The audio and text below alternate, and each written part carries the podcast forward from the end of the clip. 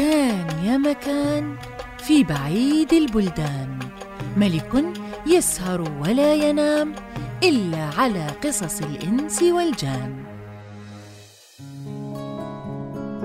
وبلغني أيها الملك السعيد أن الخليفة هارون الرشيد قلق ليلة من الليالي قلقا شديدا فاستدعى بوزيره جعفر البرمكي وقال له صدري ضيق. ومرادي في هذه الليلة أن أتفرج في شوارع بغداد وأنظر في مصالح العباد. بشرط أننا نتزيا بزي التجار حتى لا يعرفنا أحد من الناس. فقال له الوزير سمعا وطاعة.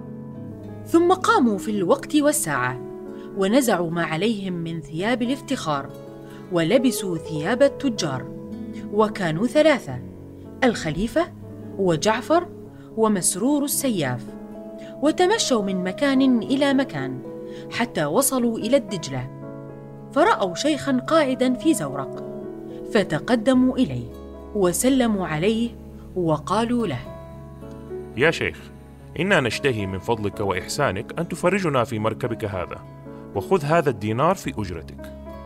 فقال لهم من ذا الذي يقدر على الفرجة؟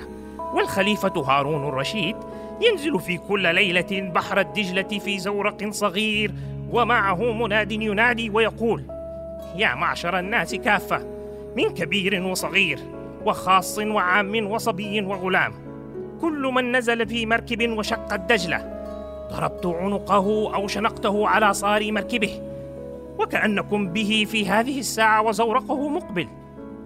فتعجبوا ثلاثتهم من هذا الخبر.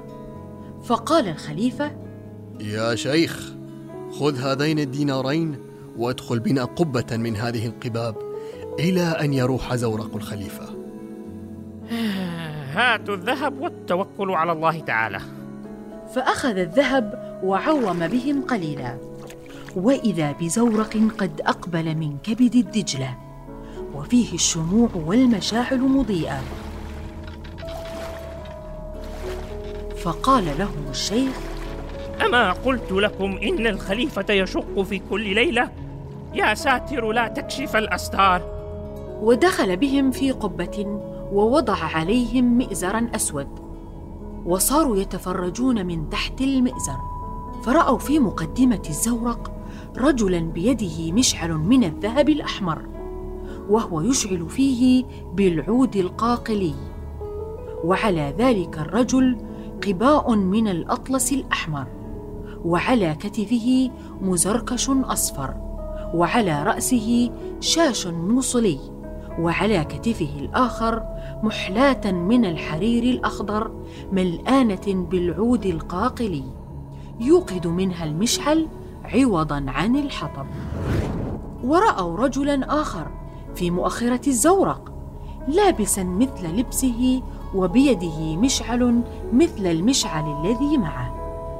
ورأوا في الزورق مئتي خادم واقفين يمينا ويسارا. ووجدوا كرسيا من الذهب الأحمر منصوبا. وعليه شاب حسن جالس كالقمر. وعليه خلعة سوداء بطراز من الذهب الأصفر. وبين يديه إنسان كأنه الوزير جعفر. وعلى رأسه خادم واقف كأنه مسرور وبيده سيف مشهور. فلما رأى الخليفة ذلك نظر إلى وزيره بتعجب فقال جعفر لبيك يا أمير المؤمنين. لعل هذا واحد من أولادي إما المأمون وإما الأمين. ثم تأمل الشاب وهو جالس على الكرسي فرآه كامل الحسن والجمال. والقد والاعتدال فلما تأمله التفت إلى الوزير وقال والله إن هذا الجالس لم يترك شيئا من شكل الخلافة والذي بين يديه كأنه أنت يا جعفر والخادم الذي وقف على رأسه كأنه مسرور وقد حار عقلي في هذا الأمر. وأنا والله يا أمير المؤمنين. ثم ذهب الزورق حتى غاب عن العين. فعند ذلك خرج الشيخ بزورقه وقال الحمد لله على السلامة حيث لم يصادفنا أحد.